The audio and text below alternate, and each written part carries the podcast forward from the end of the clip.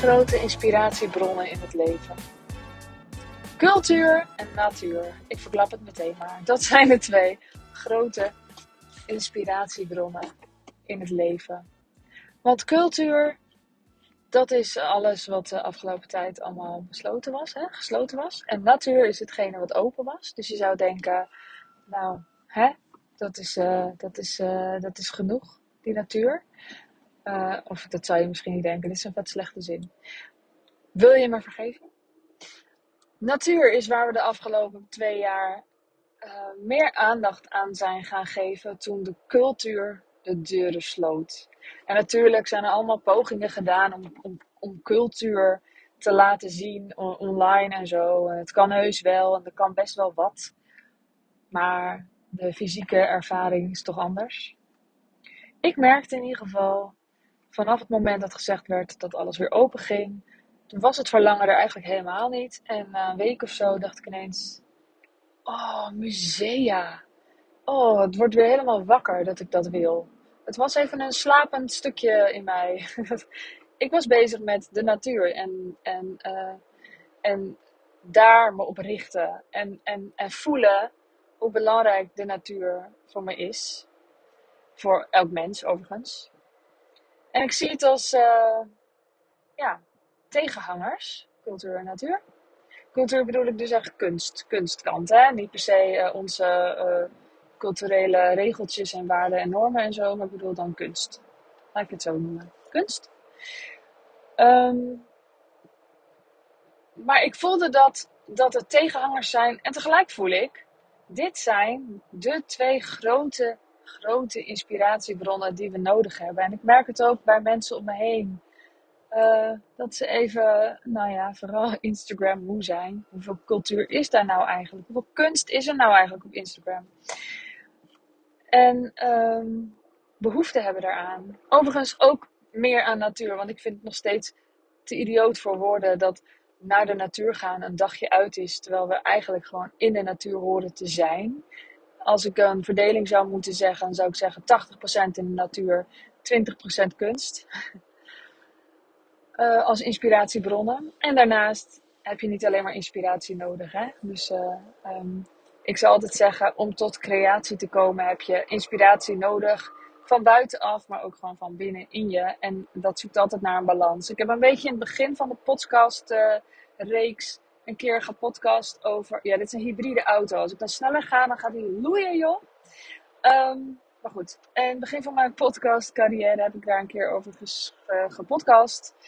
Uh, van als je, als je je ergert aan mijn podcast, zou het best kunnen dat, je, dat het gewoon tijd is voor jou om nu te gaan creëren.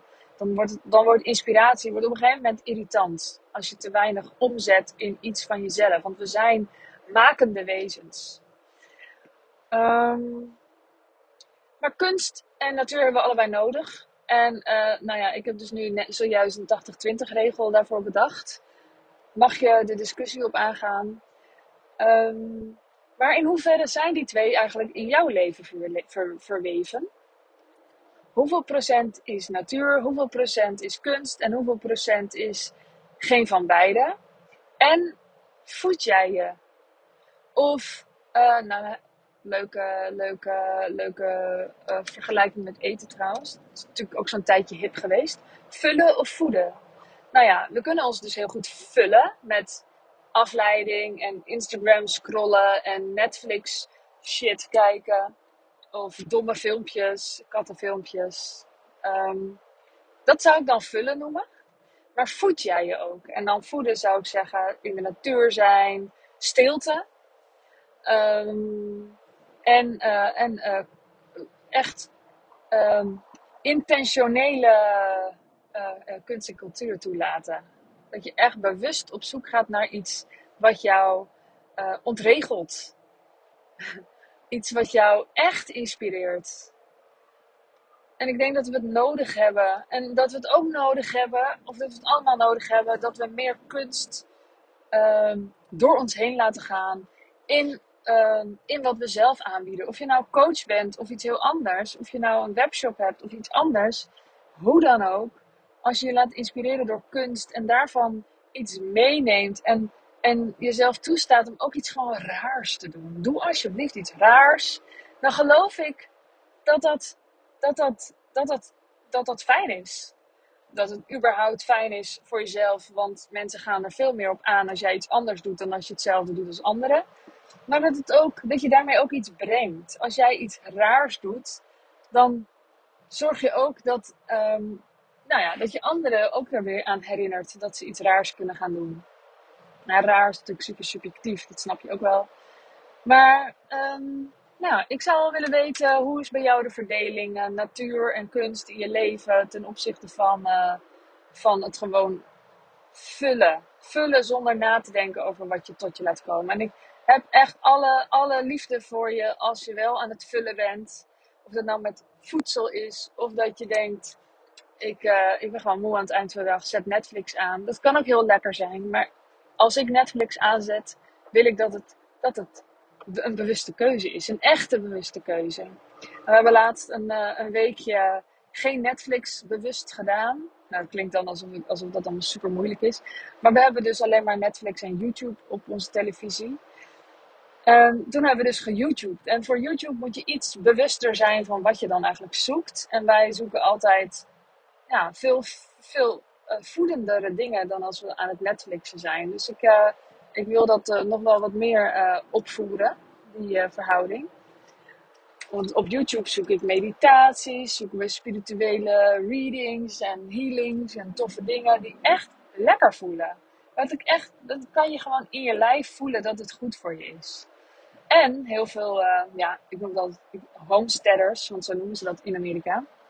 Maar mensen die hun eigen uh, ja, wereldje creëren. Dus uh, een voedselbos en, en eigen dieren en daar liefdevol mee omgaan. Ja, als je vegan bent, vind je dat ik, dat ik onzin klets. Uh, maar in ieder geval hun eigen groenten verbouwen. En dat, dat vind ik ook heel voedend om naar te kijken. Het is natuurlijk nog veel voedender om het te doen. Dan kom je ook weer op het natuurstukje. Maar uh, op dit moment ben ik dat nog niet echt aan het doen.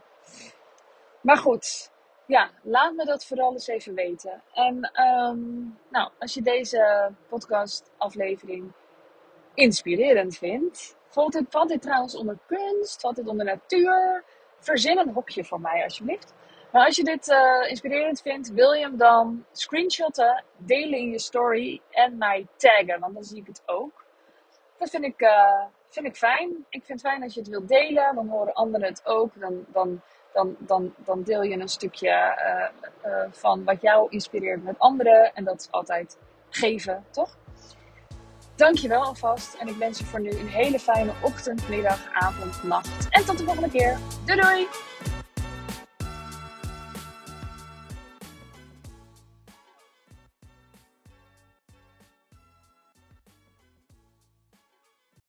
Wil jij bouwen aan 10 keer meer eigenaarschap over je leven? Wil je dat door middel van zelfvoorzienend leven in het kleinste zin van het woord, ondernemerschap en persoonlijk leiderschap? Kom dan bij Community Leven in Vrijheid, waarin een hele groep wilde mensen is die hier ook mee bezig zijn, die dit ook willen en die heel graag met je willen uitwisselen over moestuinieren, over grootse plannen, over hun eigen bedrijf opbouwen, over allerlei aspecten die allemaal samen zorgen voor een, een leven buiten de logge systemen. Ga naar wildemens.nl als je erbij wilt.